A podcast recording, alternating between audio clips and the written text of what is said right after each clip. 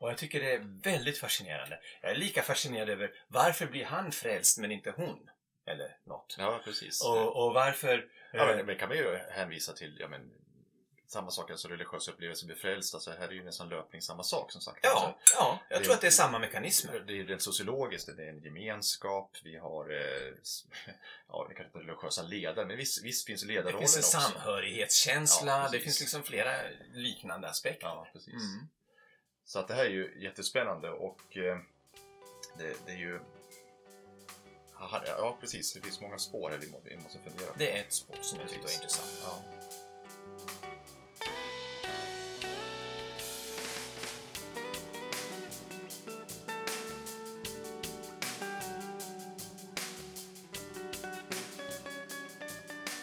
Ja, vem är jag egentligen? Eller är vi reducerbara till bara samling atomer? Eller är vi någonting annat som gör oss möjlighet att kunna springa kanske längre, snabbare?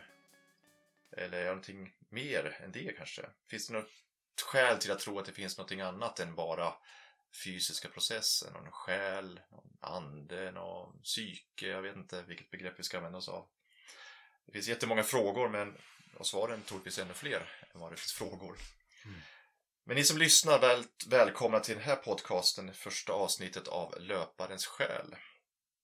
Vi hoppas på att kunna erbjuda en podd som ger bort, ser bortom då löpningens offentliga prestationer och misslyckande för att utröna de här kanske mer djupa frågorna. Alltså, vem är jag? Eller varför springer jag så vansinnigt mycket? Eller varför vill jag springa och inte kan springa? Och varför är det så mycket känslor med i löpningen? Vad, vad är det som händer när vi helt hållet bara kan berätta våra liv för en okänd människa i löpningen? Ja, vi försöker reda ut de här frågorna och vi som sitter här det är Kalmar Vanki. Tack. Kalmar Vanki heter jag. Bor i Falun. Eh, jag är psykiater till yrket, trebarnsfar och en lycklig löpare sedan egentligen många år. Jag började min löparkarriär som så många andra i ungdomen och gjorde samma fel som många andra i ungdomen gör. Jag sprang för allt tygen höll, hostade blod, tog i så att man snart blev avskräckt av löpning och inte lyckades prestera något särskilt bra för det var bara prestation som räknades på den tiden. Sen har livet gått, man har blivit lite äldre, lite klokare, har hunnit fundera en hel del och utvecklats som person och som löpare och springer numera helst långt, länge och lyckligt glatt. Min målsättning idag är att springa, att springandet ska drivas av lust och glädje. Jag har inga tidsmässiga prestationskrav eller sådant. Men det som händer när man springer långt och länge och eh, är tvungen att umgås med sig själv i långa perioder och likaledes umgås med andra löpare i långa perioder är att man kan ju inte låta bli att fundera, prata och möta sina inre delar, vilket gör att det ställs många frågor som jag hoppas vi ska kunna diskutera närmare kring under de här kommande avsnitten av Löparens själ. Ja, eh, jag vet inte om du minns när vi träffades första gången. Det var eh, sommaren 2019 på Backyard Ultra i Älvdalen vi sprang med som Sweden Runners hade arrangerat.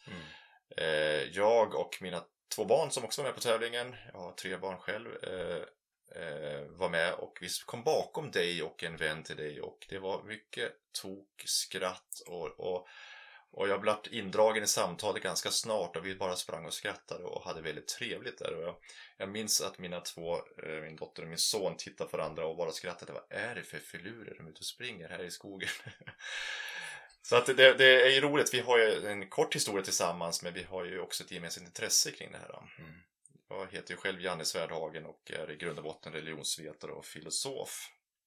Och eh, jobbar en hel del just med de filosofiska frågorna kring, kring taget de existentiella frågorna och egentligen så är vi samma sak fast utifrån olika perspektiv du och jag.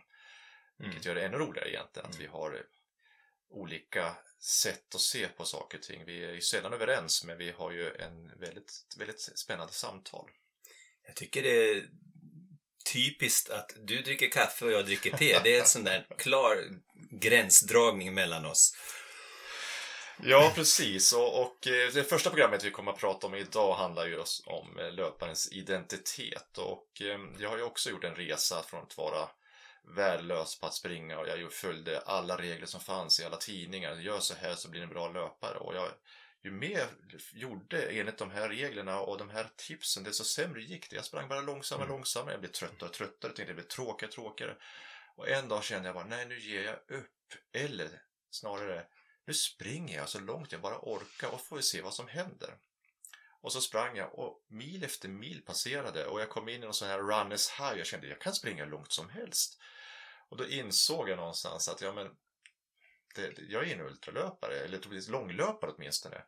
Och så insåg jag också att jag kan liksom inte hitta någon bok för hur, eller regler, någon väg för att hitta rätt. Utan här måste jag, här måste jag söka själv. Hur länge sedan var det här?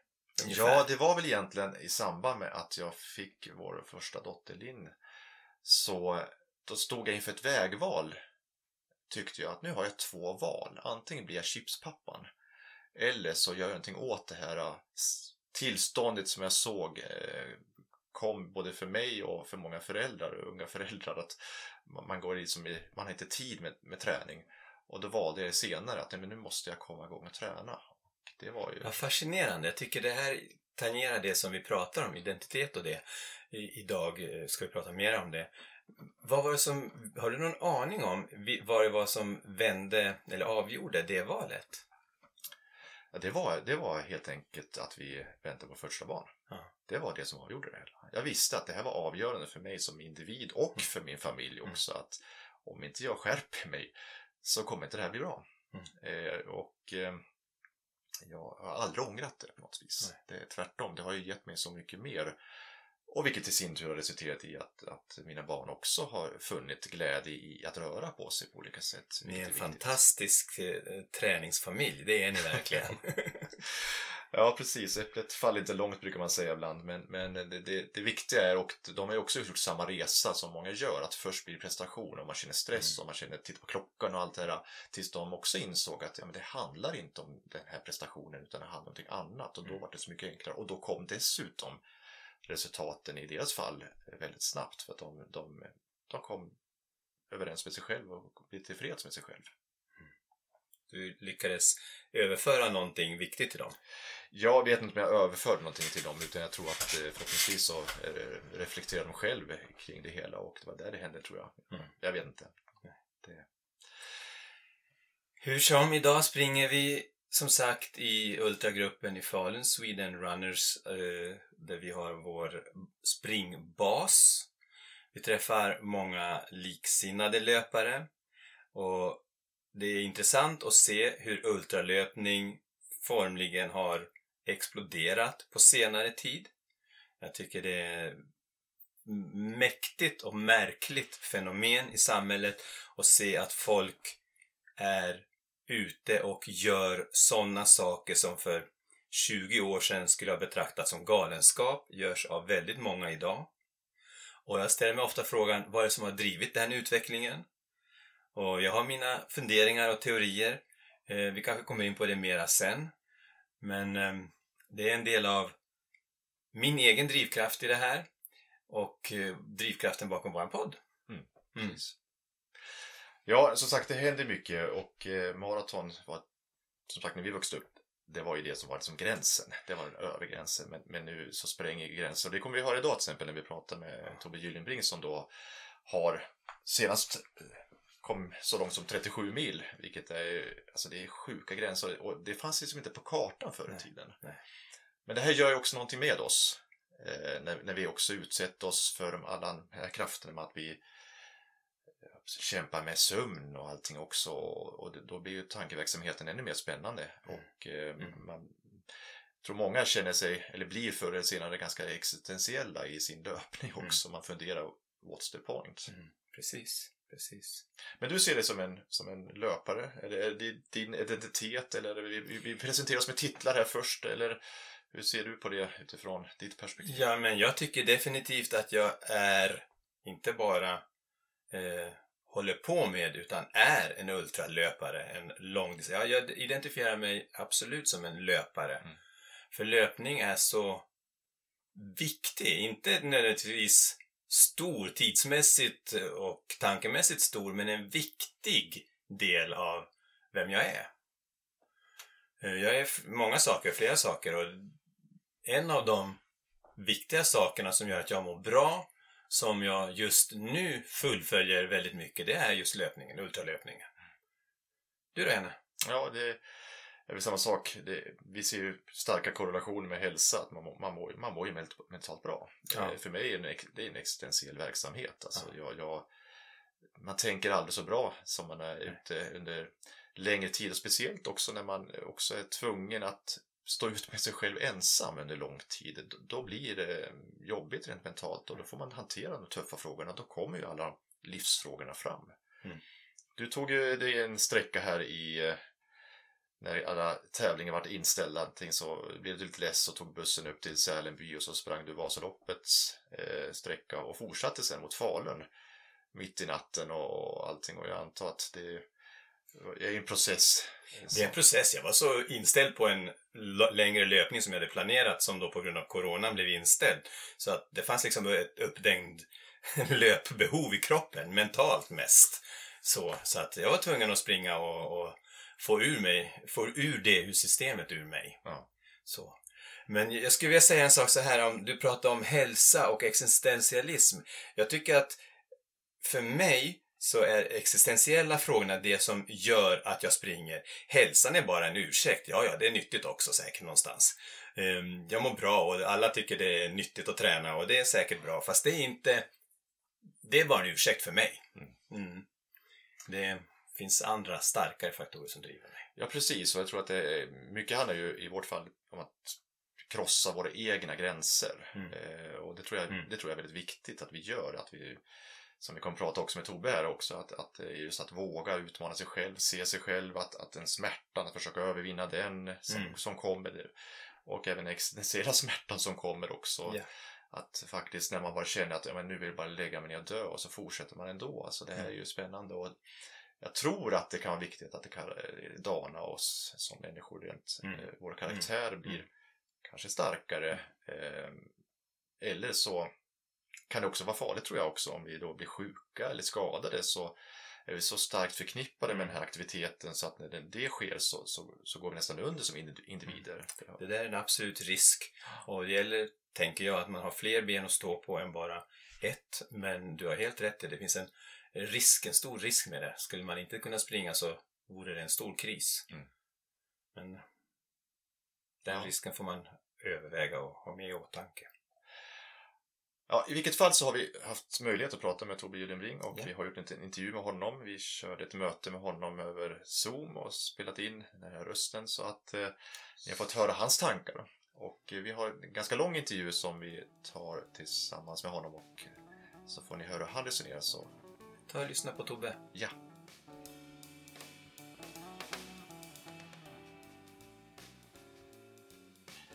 Då, en kort bara inledningsfråga här Tobbe. Dricker du kaffe? Jag dricker kaffe. Jag har, jag har till och med med mig en kopp här. Ja, Så, precis. Man, Vad man kan bra. inte träffa kaffemannen utan kaffe. Nej, eller hur? Jag tänkte det. Det, det tycker jag. Då är det, då är det check på den. Det var det absolut viktigaste tycker jag. Då kan vi ta de andra frågorna. Eh, vem är du egentligen? Kort beskriv Tobbe Gyllenbring. Vad, vad kan vi säga om dig? Tobbe Gyllebring. Jo, men det är, jag är väl en eh, utvecklare, eh, så här, programmerare. Eh, född och uppvuxen i Jämtland egentligen, men eh, bor sedan 20 år tillbaks i Stockholm.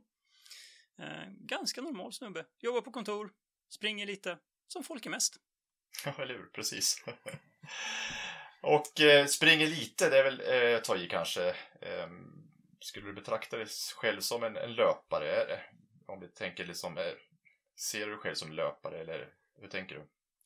Det här är jätteintressant för att eh, min bakgrund är, jag, jag kom ganska relativt sent till löpning. Jag, jag tog mina första löpsteg i vuxen ålder. Och eh, jag växte upp med en sanning som var att jag hade dåliga knän. De har jag ärvt från farfar, eller morfar. Och eh, jag var väldigt okoordinerad. Eh, så, jag svårt med finmotoriken och mycket annat. Så lagsport och bollsport och allt sånt där det gick bort i unga år. Jag spelade lite golf, men eh, så här, idrottade egentligen inte. Eh, och när jag började springa, eh, det är ju nästan 13 år sedan nu, så ja, började jag närma mig riktiga löpare. Eh, och då läste jag en, eh, en tidning som vi har här i Sverige, Runners World, eh, och som hade då en eh, redaktör som hade väldigt starka åsikter om det här. Löpare, det var man ju om man eh, var ett, ett träningspass. Då hade man ju blodsmak i munnen, annars var det inte träning. Så jag konstaterade väldigt snabbt, det är okej, okay. jag tränar inte, jag motionerar bara för hälsa. Och riktig löpare, ja, men det handlar ju väldigt mycket om prestation. Det är okej okay att springa milen på 45 minuter. Om man är dam. Annars ska man väl springa sub 40, annars gills det inte. Och jag konstaterade, ja men det är ju helt okej. Okay. Jag, jag, jag springer inte för prestation. Så då sa jag helt enkelt, nej, jag är inte löpare. Jag bara springer lite. Eh, sedermera så har det här så svängt lite. Jag märker det i mitt eget språkbruk, att min identitet som löpare har ju förändrats. Idag säger jag ju, jag är ingen bra löpare. Jag är bara väldigt dålig på att ge upp. Hm. Men, eh, så, så, att, nej, jag ser mig ju inte som löpare. Jag tror att det finns jättemånga där ute som ser sig själva som mycket, mycket mer löpare än vad jag gör. Och, och jag lägger liksom ingen riktig värdering i de här prestationsfrågorna. Jag, jag ser väldigt mycket så här, ja men herregud, om du betraktar dig själv som löpare, om du brinner för dina lopp och så här, ja men då är du ju löpare. Och jag är ju någon som bara springer lite, oavsett vad jag presterar. Mm. Hur gammal var du när du började Tobbe? Hur, när du hade den här blodsmaken i munnen och det? Hur, hur, hur, vilken ålder var det då? Jag var 26 när jag tog mina första riktiga löpsteg så. Mm. Eh, och min väg in i löpning, den är ju, ja, den, den handlar väl egentligen om grupptryck och eh, en lätt, ett lätt neurotiskt drag och inte vilja hamna utanför. Min väg in i löpning var att, eh, som den utvecklare är, så, om, om man tar den här klassiska datanörds eh, som många bär runt på. Det var jag och är jag. Det, det är en del av mig. Eh, men jag satt i ett eh, projekt, eh, så, med en massa andra kollegor och bolaget jag arbetade på de sponsrade startplatser till Midnattsloppet, 10 km lopp här i Stockholm. Som är, det är en stor folkfest, jättehärligt. Mm. Eh, men jag var inte löpare, men alla andra skulle springa. Och ja, jag är lite rädd för att hamna utanför. Så att jag sa nej, nej, nej, nej, nej, ända tills jag insåg att alla andra, de skulle ut på lunchrundor och träna tillsammans och började prata om den här grejen. Eh, så då sa jag också ja. Som en gör. Eh, och hängde med på det där. Och eh, gjorde det en gång och lovade att aldrig göra om det för att jag var konvalescent i flera veckor efteråt. Eh, mina knän pallade helt enkelt inte. Men jag tycker det är intressant. Jag noterar en sak som du sa. Du sa att du är programmerare eller är datanörd. Men du är inte löpare fullt ut. Det är en viss distinktion däremellan. Ja, men det är så, så. Jag tror att det min självbild är väldigt mycket att jag kommer ifrån Alltså så här, självbilden byggs ju väldigt mycket upp på våra upplevelser och, och, och liksom vem vi tror att vi är i någon mån. Eh, det är ju väldigt tydligt med individer, det är väldigt tydligt med organisationer som är liksom mitt andra liv så att säga. Och jag, jag har ju haft en lång identitet, så här, sedan länge, sedan jag var ung liksom, eh, tonåren, så är ju datorer en grej jag sysslat med och, och identifierat mig med och hittat mm. gemenskap mm. i och blivit liksom, ja men Tobbe, Tobbe sysslar med datorer liksom. Tobbe mm. programmerar. Mm. Löpningen för mig, det är inte på samma sätt en identitet. Eh, för mig så är ju, min, min löpning är så väldigt personlig. Det, det jag hittade i löpning sedermera var ju en möjlighet att må bättre, reda ut mitt eget huvud, ha tid för eftertanke och reflektion och, och, när jag fann Ultra så blev det ju sättet att lära känna mig själv, lära känna mina begränsningar mm. och att genom, genom att överkomma dem bli någonting mycket mer och hitta en, hitta en potential inom mig själv som lyfter mig mycket högre. Men, men min identitet som löpare, som eh, många bygger upp liksom kring prestationer och så. Mm. den, den kopplingen har jag inte riktigt. Utan det är så här, jag springer för att må bra. Jag springer för att det får min hjärna att må bra. Och sen har det längs vägen råkat på bli en del bra resultat. Jag, jag tror att Janne, han har nästan en, en personlig relation till det här för att han får ju liksom den det tveksamma äran att ta emot mig när jag går i mål. Och det första jag säger är, vad konstigt det blev. För att jag är inte en sån som vinner lopp i mitt huvud. Nej, nej, jag minns det mycket väl. Att du just... Eh, ja, det var, det var lite märkligt som sagt och, och någon sorts en, besvikelse nästan också hos dig. Att, att vad hände här? Ja, och, och det, är ju, det, det är ju lite speciellt med backyarden. Eh, att då, för mig så tar ju, så här, när man vinner den, i och med att man får inte fortsätta äventyret när man är sist, så då rycks ju hela, hela resan ifrån en. Det jag var där för, att utforska min egen gräns, ja men den är ju, den är ju outforskad. Mm. Det blev ju fel, i någon mening. Det, eh, jag fick inte ut det där jag var där för. Och, och, och eh, så då, då blir det liksom, det blir konstigt och det blir en sorg över att det här tar slut. Eh, när man springer ett tidsbestämt eller distansbestämt lopp, ja men då, då kan det bli konstigt när man råkar på vinna när man inte liksom, man är inte där för det och helt plötsligt så står man där med någons medalj. Den vill ju någon annan ha. Naturligtvis är det jättekul att få den, men, men, men det är också lite konstigt eh, i Mm. mitt huvud. Ja, precis. Eh, och eh, det här är ju spännande som sagt, tidsaspekter och sånt. Det kommer vi faktiskt återkomma till vid ett annat tillfälle har vi tänkt. Men, men sen har vi också liksom lyssnat kring, kring din löparresa. Bland annat eh, var ju Tech för några år sedan du var med. Jag har ju själv sprungit Tech också. Det är en spännande rundbana att springa på den. Eh, och där gav du uttryck för att du någonstans vid något speciellt tillfälle, alltså det vid 10,8 mil eller sånt där, där hände någonting. Vad, vad var det som hände? Ja, eh, det var ju mitt första tech, eh, 2011 framför allt. Det, det var ju då jag fann, det var då jag fann Ultra. Det var då jag, det var då jag förstod att det var det här jag, eh, att min gren eller min disciplin var, var just ultralöpning. För att det jag fann i Ultra, det, det, var ju eh, all den här prestationen som, som gjorde att jag inte kallade mig för löpare. Den fanns inte riktigt i ultra-communityt. Eh, den, den fanns absolut inte då och den, den kanske börjar smyga sig på nu, men det är väldigt lite av den. Utan där var det just det här utforskande, det här äventyret. Och det som hände där, när jag passerade den tionde eller tolfte milen ungefär på mitt första täck, eh, när jag sprungit hela dagen och eh, är på väg in i, alltså jag är ju mitt i natten egentligen. Det var att med, med fyra mil kvar, som till den dagen var det längsta jag någonsin hade sprungit, så visste jag att jag skulle nå i mål. Det, det är en bisarr tanke. Men inom mig så hände någonting mycket större. Och det var att mitt sinne blev, för första gången i mitt vuxna liv, så var det helt kavsjö. Jag, jag, jag har en sån monkey brain, den är lite överallt hela tiden. Eh, det är svårt att få den att sitta still och det hade jag liksom aldrig, jag hade inte hittat några verktyg för det. Men helt plötsligt så står jag där i den här väldigt specifika backen och bara känner det här enorma lugnet. Allt så här, allting är klart och det är lugnt och jag har den här, jag vet att jag kommer att gå i mål, jag vet att jag kommer att överträffa mig själv. Och jag, jag hittar att, ja men vänta nu, i rörelse, i, i det här, så, så finner jag någonting. Jag, jag finner liksom, ja men det här lugnet, den här ron, det här, ja jag är inte snabb, jag är inte stark, jag är inte en himla massa saker, men jag är himla bra på att bara fortsätta. Um, och, och, och det blir liksom, det ögonblicket på många sätt definierar nog min löpning eh, och definierar min, min resa därifrån. För det sätter liksom, efter det ögonblicket, så ett, jag vet vad det är jag sysslar med. Jag sysslar med ultra. Och ultra, ja, men det är när man springer och fikar. Eh, och, och där jag kan också utforska min gräns. Det sätter också ramen för hur jag springer. Inte för prestation, inte nödvändigtvis för att se nya fina platser. Det finns stora anledningar till att springa för att se nya fina platser också. Men jag har inga problem att springa rundbana. Jag har inga problem med att springa 400 meters bana i en kulvert under Bislett. Jag har inga problem att rulla loop på loop på loop på en backyard. Och jag har inga problem att springa nästan 30 varv på täckbanan. Mm. För att ja, det är ju fint om man har en fin fond. Det är det ju.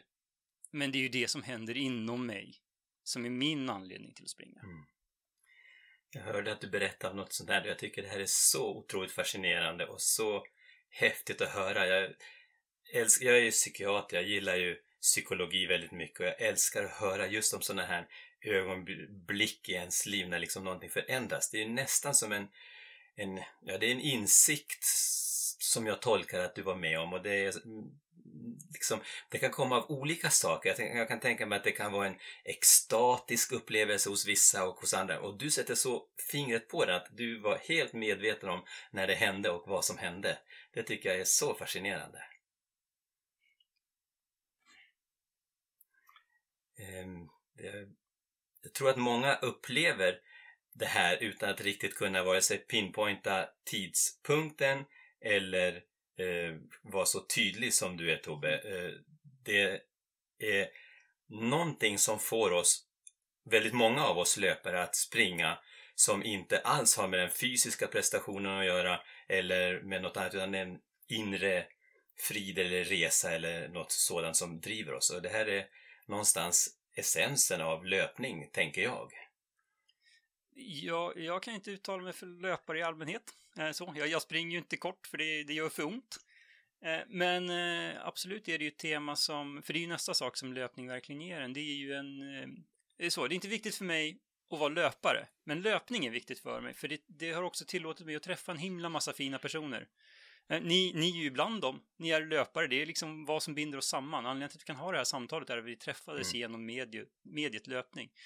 Och, och, jag har ju fått privilegiet att prata med många andra duktiga ultralöpare. Och, och, och det ultralöpare verkligen har gemensamt eh, är i snitt just den här grejen att löpningen har blivit ett sätt att lära känna sig själv. Jag, jag tror att det var Johan mm. Stene som först sa det till mig, att det är så här, ja men ultralöpning, det är den bästa lära känna dig själv-kurs du kan köpa. Mm. Eh, det, det, det, tar lång tid och det gör ont, men du kommer att hitta någonting där och att det är liksom att springa till den där punkten där man blir, för det är nästa sak med liksom, vad, vad, vad tillåter löpningen, vad ger den mig? Jo, men den ger ju mig möjligheten att mala ner alla de här, alla de här sköldarna, alla de här idéerna man har.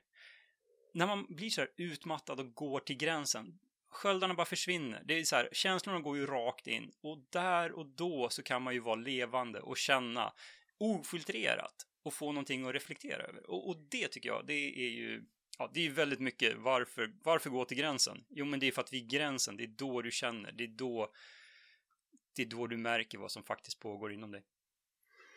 Om jag tänker så här, att, eller frågar så här snarare, är det där någonstans vi förändras och förädlas eller växer eller blir mera människor? Tycker du att det finns liksom någon, när vi är sådär sårbara utan våra sköldar uppe. Vad händer i det utrymmet? Mer alltså, händer det något med oss där? Ja, jag skulle säga det. det. det. är ju varför jag jagar den där. Man mår, ju, man mår ju fantastiskt dåligt när man står där nere. Man kan må fantastiskt bra också. Man blir väldigt glad över små gester. Eh, mm. Men, men det är också i det där lidandet i någon mån, när man kommer till den här gränsen, det är också då man har möjligheten att verkligen särskåda. Vem är jag? Vad tror jag? N när när kroppen försöker övertyga dig om att stanna, för det gör den ju. Eh, inte bara kroppen, utan hjärnan börjar ju dra upp alla såna här skräckscenarier och all, allting som, ja men den där dåliga presentationen du höll i femman när alla skrattade och sådär. Alla de här sakerna kommer ju som något slags försök till att få dig att stanna. Eh, men det är ju när vi kan möta dem och, och när vi kan lära oss tala snällt till våra demoner när vi kan se vår gräns, när vi kan se vår nakenhet, när vi låter den och när vi kan omfamna den. Där händer det fantastiskt mycket för mig. Och, och, och det är också det så här, men vad hände när jag när, när jag faktiskt hade gjort klart min första 100 miles, när jag gjort klart, när, när jag eh, några år senare gick i mål på Tech 200 miles. V vad händer när man har gjort det här? Ja, men det är, det är ju en upplevelse som, som jag tar med mig in i hela resten av mitt liv. För att när man har stått där nere på botten i mörkret, när man har man, man har gått holmgång med sina demoner och man har tämt dem. För det är ju så, antingen blir du kompis med dig själv, eller så går du ju inte i mål på 100 miles. Det är ju väldigt enkelt. Antingen så blir du kompis med dig själv och kan bo i ditt eget huvud i nästan ett dygn, eller så bryter du. Det är, inte, det är inte fysiken som sätter stopp för de flesta, det är huvudet. Men när du har gjort det, när du kommer ut i vardagen, när, när man som jag kommer tillbaks till kontoret och vet att okej, okay, det kanske är jobbigt nu. Men behövs det så kan jag gnaga på ett dygn. Och nu vet jag att nej, behövs det så kan jag inte gnaga på ett dygn. Jag kan gnaga på i två dygn. det gör ju att man går in med, med, ett självförstå med, med ett självförtroende och en förståelse för sitt eget huvud, sitt eget fungerande som för mig ändrar väldigt mycket av eh, min relation till mig själv. Min relation mm. till, till resten av världen.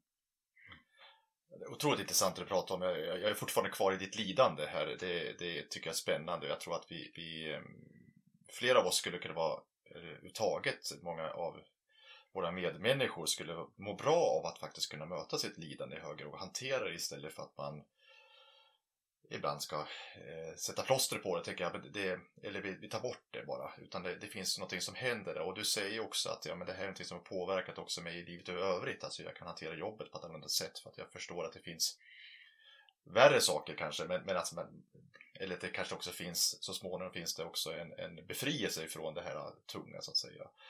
Men, men eh, det var något, som, något sorts buddhistiskt eh, uttryck att man, man måste liksom öppna en spricka för att någonting ska komma ut och även komma in. Och den här sprickan tror jag är viktig istället för att vi bara sluter oss hela tiden. Och, och, och när jag hör på dig så är nära något religiöst över det hela. eller new age-aktigt. Men, men eller snarare kanske någon sorts livsfilosofi du har gått in i. Och då återkommer jag till tanken här kring din identitetsbegreppet. Jag, jag hör ju en löpare här i väldigt hög grad. Eh, men jag kan ha fel. det, är, så, det är väl någonting eh, spirituellt i det. Eh, det. det. är det väl absolut. Det blir en livsåskådning. Ehm, att, och just den här möjligheten att hantera smärtan och lidandet och, och, och lära sig också omfamna det. Ehm, för att sköldarna ger naturligtvis möjligheten att göra det här och, om man bjuder in den så blir det, det blir del av en eh, och, och man kan finna någonting väldigt vackert i det också. Att sitta i, i smärta. Ont kan man ha länge brukar jag säga. Eh, mm. det, det, är viktigt att komma ihåg. Eh, och det viktiga är ju egentligen att inte dra på sig trauma eh, i någon mån. Och, eh, helt enkelt, spring inte sönder något. Eh, så, så, det är väl, eh, det finns väl någonting i det. om du hör en löpare, ja, du hör ju i alla fall någon som springer. Det är många som kallar mig löpare och, och det får de naturligtvis göra, för jag, jag har ju inget eget begrepp om att faktiskt bestämma eh, vem som är eller inte är löpare. Om alla, andra kallar mig löpare så eh, då är jag ju det i deras ögon. Det får man väl också eh, vara ödmjuk inför. Mm. Ja, jag tror att det är också Många som ser på dig tänker att ja, men dit skulle jag vilja komma, jag skulle vilja bli det här och det, det kan vara viktigt i sig också. Många vi, som sagt, vi identifierar oss på olika sätt. En del vill bli en löpare och det kanske är början. Det ville vi alla bli en gång i tiden och sen så någonstans så blir det naturligt att som sagt springa. Eh, det blir en del av livet så att säga. Men ja, vi, vi behöver inte bestämma någonting utan det är mest bara intressant att fundera över de här tankarna. Jag tycker det där är jättefint, just den här aspirationen till löpning. För det här är eh, jag tar det som en liten segway in, in, för att fortsätta brodera ut hur jag ser på mig och min löpning. För jag, ser ju löpningen som, som min egen personliga sak. Det, det är ju det är min gåva till mig själv. Det är någonting jag gör egentligen eh, för min egen skull. Och, och på, på, på det stora hela så är det ju ett det är ett privilegium att jag kan och får göra det här. Jag har möjligheten att ägna i praktiken dagar i sträck åt att utforska mig själv. Det, det är liksom eh, så, det är ganska högt upp på den här behovstrappan. Eh. Och första gången, an, så här, de, de första gångerna andra fick upp ögonen för min löpning, eh, kanske absolut främst då runt när jag sprang Tech 200, när det var första 200-milsloppet i Sverige. Vi visste inte hur man gör det här, om det ens går att göra på ett rimligt sätt. Eh, och, och jag gick in på en ganska bra tid. Och helt plötsligt så blir det ju ett himla ståhej kring kring löparen Tobbe helt plötsligt. Eh, och jag har aldrig varit så nära att sluta springa som jag var i eftersvallet efter det. För att helt plötsligt så blev min löpning inte min längre, den blev alla andras.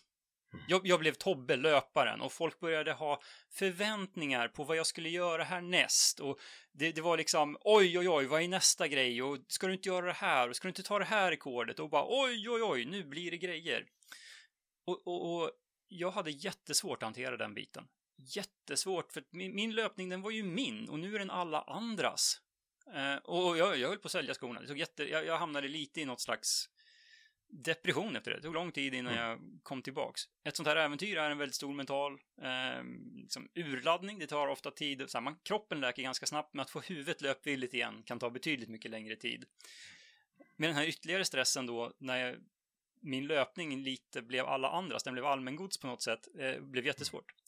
Mm. Det här har ju svängt. Jag, jag har ju lärt mig eh, hitta någonting annat i det här. Eh, för som du säger, det kanske är många som vill bli det jag är i någon mån i, så här, i löparspåret. Eh, och, och där tycker jag det har blivit väldigt fint nu på senare år och, och även nu efter då Backyard-VM att folk hör av sig och blir inspirerade till att ta sina första löpsteg eller att eh, ta, eh, springa sin första backyard eller testa sin egen gräns. Och, och, och idag så har jag väl hittat ett lugn i att men det är väl fantastiskt fint. Kan jag ge andra den gåvan att de börjar utforska sig själva, att de hittar en identitet, att de hittar någonting att, att gå vidare i. Kan jag vara den inspirationen så är ju det, ja men det är ju en positiv skillnad i världen. Eh, och, och, och det är ju naturligtvis någonting jag vill, eh, vill bidra med. Eh, och som jag är väldigt, väldigt stolt och glad över. Eh, så länge de försöker bli sin bästa version av sig själva av, för sin skull.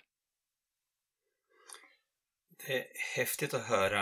Eh, Du har lättare att stå emot eh, folks krav, de yttre eh, kraven på dig och, och du springer mer i dig själv. Är det det som är skillnaden nu mot förra gången, menar du? Dels så gav det väl mycket tid för eh, reflektion och, och eftertanke eh, den första vändan. Eh, jag, jag var tvungen att hitta nya ramar kring min löpning och, och, och förstå och också lära mig hantera att ja, den här prestationen som råkar på ske på något sätt, att den eh, att folk börjar förvänta sig saker, det är också ett uttryck för deras egna vilja att göra Mm. något. Eh, att man, man blir lite av en ikon så. Jag, jag tycker fortfarande det är väldigt svårt att hantera. Eh, Jag trivs bäst när jag kan få gå in i ett sammanhang som en, eh, som relativt okänd. Det, det, det är så här, det är då jag alltid har presterat bäst. När ingen annan egentligen förväntar sig så himla mycket. Och det blir svårare och svårare ju mer uppmärksamhet det Mm, blir kring mm. mina prestationer. Men, men eh, det är ju sådana sammanhang där jag har presterat bra, så är det ju oftast, jag har varit liksom middle of the pack, alla har andra favoriter och så kan jag bara få göra min grej av mina egna skäl. Och så gör man bara det tillräckligt länge och, och sen de som egentligen är, är bra på det här, ja men de, de ramlar av av olika skäl. Och så står man där ensam kvar. Ehm, det, är ju, det är ju så jag har vunnit hittills. Jag, jag är ju Mm. så, prestationen för mig har ju aldrig varit att det är så här, ja men nu går jag upp och så leder jag det här loppet för jag ska vinna det här och så boom, färdigt liksom. Utan Mm. Jag, jag, jag försöker ju, jag, jag trivs bäst när jag är relativt anonym. Mm. Men eh, det blir ju svårare och svårare som sagt. Det blir svårare för dig. Ja men du, eh, Tobbe, det här var otroligt givande och eh, jag skulle kunna sitta och prata hur länge som helst eh, i de här frågorna. Det, både jag och Kalman sitter och nickar och har gett massor med frågor men eh, det tänker jag, det kan vi kanske ta över en kopp kaffe eller kanske när vi tar en löprunda tillsammans. Det, det ser jag fram emot. Det, det är där tror jag mycket av tankarna kommer till uttryck också. Jag antar att det är det du finner också i de här eh, tävlingarna med i att man springer bredvid varandra som medlöpare och diskuterar både högt och lågt i livet. Mm. Ehm, och det, därför var det otroligt värdefullt för oss att få lite input på det här viset, hur du tänker.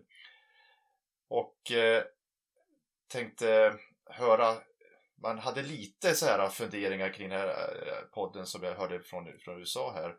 Eh, ja men nu kanske Tobbe är den som kan ta hundra varv. Eh, där kommer pressen bara avslutningsvis, eller? ja, eh, det, är ett fantastiskt eh, smicker från, eh, från Dave Proctor. Han, eh, han gillar lite att sätta folk på pottan sådär. Eh, så, eh, jag, jag har ju lite så. Jag, jag har väl eh, två prestationer just nu då som kanske hänger över mig. Dels att Dave har bettat mig som eh, hundravarvslöpare. Eh, det är svårt att leva upp till. Eh, och jag outar ju även själv eh, mitt egna, min egna prestationsdröm eh, i den där podden. Och den har ju den har ju kommit och gått under åren, men jag har ju aldrig varit någon som springer för prestation som sagt. Men eh, jag måste erkänna det nu eh, och, och, bli bekväm själv i att jag har, eh, jag har en dröm och jag har en satsning på, på 24 timmar som jag vill göra. Eh, för att jag vill jag vill, nå, jag, jag vill göra ett ärligt, jag vill ge ett ärligt försök att nå en nivå där jag kan representera nationen i ett EM eller VM. Eh, det är så här, här har jag för andra gången i praktiken i mitt liv ett prestationsmål som jag vill nå upp till i relativ, relativt med löpning. Så att ja, nu, nu har jag satt lite press på mig själv. Det känns just nu faktiskt bara inspirerande och roligt och något som får mig att ge mig ut på de här löprundorna. Eh, men, men som du säger, eh, löpning är ju ett sätt att vägen dit, alla de här både, både samtalen över kaffet och, och, och, samtalet i löparskorna på långpass med andra löpare. Det är ett fantastiskt sätt att eh, få borra djupare i många frågor. Att få möta människor från så väldigt många olika sammanhang. För att ändå, när, när vi står där i, i vår eh, lykra eller funktionella plagg eh, i löparspåret så är vi på något sätt alla så väldigt lika. Det, det sammanför eh, samhällsskick eh, samhällsskikt och det sammanför yrken och så här, man, man vet inte. Vem är, vem är VD? Vem är eh, städare? Det spelar absolut ingen roll. För vi är alla människor. Vi är alla där för att springa. Vi har alla det gemensamt och i det så, så skapar vi fantastiskt fina möten, fantastiska plattformar mm. eh, för att bara se varandra som det vi egentligen är. Mm. Människor i löparskor. Men människor. ja, det var en lysande avslutning på det här samtalet. Eh, som sagt, vi ser fram emot att se också de här utmaningarna och jag tror att det är otroligt inspirerande för många också ändå att tänka sig, ja men jag kanske också kan ta mig an en utmaning. Det är viktigt för oss alla och den är helt individuell och det är också det skönheten med det hela tycker jag. Du, stort tack för att du var med och eh, på återseende och återhörande hoppas jag. Tack så hemskt mycket. Jag vill också bara säga tack så mycket för samtalet Tobbe. Det var riktigt roligt att höra. Jag ser fram emot att få träffa dig och jag är helt säker på att du kommer gå bra på både 24 timmar och framöver annat.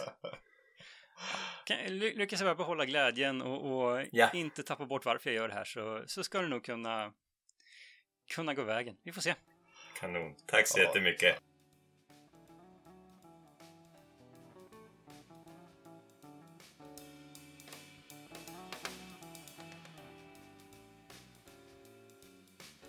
Det där var ett häftigt samtal med Tobbe Gyllenbring. Han hade så mycket kloka och tänkvärda grejer att säga. Jag skulle kunna fortsatt länge till och så. Ja, jag fick stoppa det där nästan för du, jag, jag märkte det. Du, kommer, du har massor med frågor här och det, det, och det är jättekul men, men så någonstans faktiskt en gräns för hur långt vårt program kan hålla på tror jag. Så är det, absolut. En av de tänkvärda saker han sa som jag la märke till det var det här när han var ute och sprang på sin täck och han kom till det här ögonblicket när det hände någonting och han uppfattade sig själv som tom och fri och vad jag förstår i någon form av harmoni. Det ögonblicket, det tycker jag är väldigt tankeväckande för det känner jag igen från andra håll i samhället och i livet och inom psykologin när man kan få liknande stunder av vad man ska kalla det för insikt eller befrielse eller själslig frid eller, eller vad man nu ska kalla det. Och jag tror att många av oss löpare kanske är delvis inne på det spåret mer eller mindre medvetet och mer eller mindre uttalat. Jag tror att det är en viktig erfarenhet. Hur tänker du? Jag, jag blev fascinerad av den historien, för jag har ju själv sprungit tech och eh, jag upplevde aldrig just den här, det han sa bland annat, att han hade fyra mil kvar. Han visste, jag kommer att fixa det. Eh, jag vet att jag sa till min son som följde med mig de tre sista varven, då sa ju han, men pappa sa han, när vi gick ut på sista varvet, och sa han, men nu, nu har du fixat det här, sa han. Och jag sa bara, vänta bara. Alltså, jag, när det är en kilometer kvar, då kanske jag kommer att säga. Jag nådde liksom aldrig där, utan det, det, för mig var det bara en kamp. Ja. Men i det här fallet så var det ju spännande just precis som jag kände det första gången jag verkligen tog ut svängarna och upptäckte att jag skulle springa långt. Eh, så helt plötsligt så känner han att någonting händer hos honom. Det, det, det är ju väldigt spännande. Eh, och jag tror att om man skulle fundera över sig själv så tror jag att man skulle kunna hitta det hos sig själv också. När, när, när hände det? Eller, kan du... Jag har, jag har flera tillfällen när jag uppfattar, jag, jag kom hem en gång efter en lång löptur och jag sa till min Anna Moa att jag är en löpargud, jag kan springa hur långt som helst. Jag skulle kunna fortsätta tills benen ramlar av. Och jag har den där känslan. Och det är inte... Folk... Det här är också en intressant utvikning. Folk anklagar löpare ibland för att de är bara såna här kicksökande endorfinister. Och det här är en helt annan, distinkt annorlunda känsla. Det är ingen runners high, det är ingen eh, endorfinkick, utan det här är en, ett själsligt tillstånd som är närmast insiktsfull eller fridfull skulle jag kunna kalla det för. Jag tycker det är så fascinerande. Jag har varit med om det flera gånger. Jag kan inte säga att jag har varit med om det en gång nu och sen är det game changer. Däremot har jag flertal gånger både träffat andra löpare som kan vittna om det här och själv upplevt det. Förstår du hur Ja, jag tänker? precis. Och han var ju inne på det spåret. Han pratade ju om Maslows eh, behovshierarki här. Som ofta brukar anföras i de här sammanhangen. Det har jag hört flera gånger förut just att man, man eh, kopplar till den här behovshierarkin som då består av flera steg. Där högsta nivån är eh, självförverkligande, inte självförverkligad, vilket jag tycker är intressant också. Det här är en process som betyder att man fortsätter att självförverkliga sig själv. Ja. Man blir som aldrig klar riktigt heller. Men det är väl det du ger uttryck för också. Någonstans så, så når man väldigt högt eh, i, i, i den här processen. Ja, ja. En av de frågorna som jag inte hann ställa till Tobbe som jag tänker väldigt mycket kring det är varför ultralöpning och extremsport av olika slag har blivit så pass vanligt. Varför det är så många som utövar det idag jämfört med en stund tillbaka, 20 år tillbaks eller 30 år tillbaks. Eh, så gör vi idag ansträngningar som då skulle ansetts vara både extrema och kanske tokiga, galna. Och idag är det väldigt många som gör sådana saker. Alltså där finns det ju, där, där tror jag vi kan vara väldigt olika uppfattningar men, men utifrån religionssociologin och det perspektivet så tror jag att det kanske är någonstans en ersättning för den här andlig sökande man håller på med ändå. Alltså det, det, de här gamla institutionerna börjar försvinna, vi, vi är allt mer eh, så här, sekulariserade men då tar någonting annat vid helt enkelt. Vi, vi har ett behov att söka efter mening och kan inte religionen fylla den så kanske löpning, eh, inte ett substitut, men det är ett sätt. För vi har, jag tror vi har ett existentiellt behov av att försöka söka oss själva på ett annat sätt. Kan det ge mening i livet? Ja, det där är ju en väldigt svår fråga är mening med livet. Ja, men en mening i livet ja, en mening i livet, absolut. Det tror jag. Mm. Ehm, och eh, just när man kommer till det här reflekterandet, när man börjar fundera över just mig själv och, och det här tycker jag är intressant. Jag, jag vet inte hur många gånger jag har ute och sprungit med människor jag aldrig har träffat förut.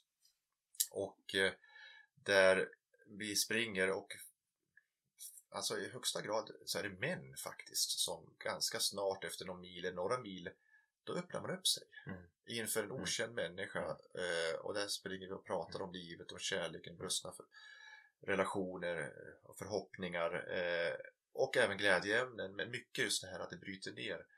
Och jag tror vi har ett behov. Det är, det är inte bikt det handlar om om vi pratar om religiösa men, men det handlar om att vi har ett mänskligt behov att kunna tala om saker som är jobbiga och jag tror att det är den fysiska ansträngningen eh, som sker någonting också med oss människor att vi eller just det kanske att vi är främlingar för varandra och vi vet inte ens, som man är inne på, titlarna är oviktiga. Mm. Vi är löpare som springer axel mot bredvid, bredvid axel. Mm. Och där i det stunden så, så sker ett, ett möte också i, Mm med, med, med två människor. Det tycker jag är spännande. Det är otroligt intressant och otroligt kraftig kraft som är igång där. Och jag tror lite till skillnad från dig att det inte är ett vad ska jag kalla det för socionomiskt eller sociologiskt fenomen utan jag tror att det där har med ett biologiskt fenomen att göra också. Jag tror att när vi rör på oss, oavsett om vi springer, vandrar, går, så händer någonting. När vi aktiverar fler muskler, fler delar av kroppen så stimuleras hjärnan till att eh, bruka fler områden och då lossar också våra spärrar. mycket lättare. Att vi har lättare att både prata med okända människor och att eh, blotta oss och prata om eh, kanske saker som vi vanligtvis inte tänker på. Även i kreativt syfte. Jag tror att vi kan vara mera kreativa när vi rör på oss än när vi inte rör på oss. Absolut, men samtidigt tycker jag att det är en tråkig syn på att det liksom, vi är bara biologiska processer. Det är det som gjorde det. Det här var inget annat än bara en, en kemisk process som skedde i samband med att vi sprang. Det, det, det är reduktionistiskt tycker jag. Som, som filosof så vill jag tro att vi är någonting annat som står utöver. Att vi bara agerar på, på de, de fysiska eh, sakerna som sker inom oss. Men, Mm. men eh, jag, jag förstår samtidigt ett resonemang. Men, Mm, mm. Ja, det vet jag inte riktigt. Jag tror att, jag tror att du, det jag menar med biologisk process är att jag tror att du måste involvera kroppens rörelser och det är en biologisk eh, process. Mm. Kroppens rörelser är Mm. biologiska. ja. Sen händer en massa saker uppe i skallen och i känslolivet som inte är bio, nödvändigtvis biologiska, som är psykologiska Mm. och sociologiska kanske också. Mm. Men på något vis, grunden för de här processerna när vi pratar om löpning och, och den delen, det är den fysiska aktiviteten, tänker jag. Ja, I vilket fall så är vi ju det blir en sårbarhet i väldigt hög grad. Mm. Eh, och det tycker jag är intressant också som vi var inne på här just att vi, vi, blir mer och mer sårbara ju längre vi håller på dessutom. Mm. Eh, vi kommer vid något avsnitt hoppas jag prata om, om det med känslorna som är väldigt starka i de här sammanhangen. Eller Mm. Mm. Gråten eh, Mm.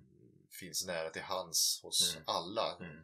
Alltifrån den svagaste till den starkaste. Som Tobbe nämnde där i intervjun att när man är som mest sårbar så när man sprungit så långt så blir man så avskalad sina psykologiska försvar så man är så sårbar och att det händer någonting med oss när vi är i det tillståndet. Mm. Mm. Och jag är osäker på exakt hur de processerna går till men jag tror och tror mig veta att det är där vi har tillfällen att binda relationer, att eh, binda eh, andra människor, att komma andra människor närmare än på något annat sätt i livet. Mm.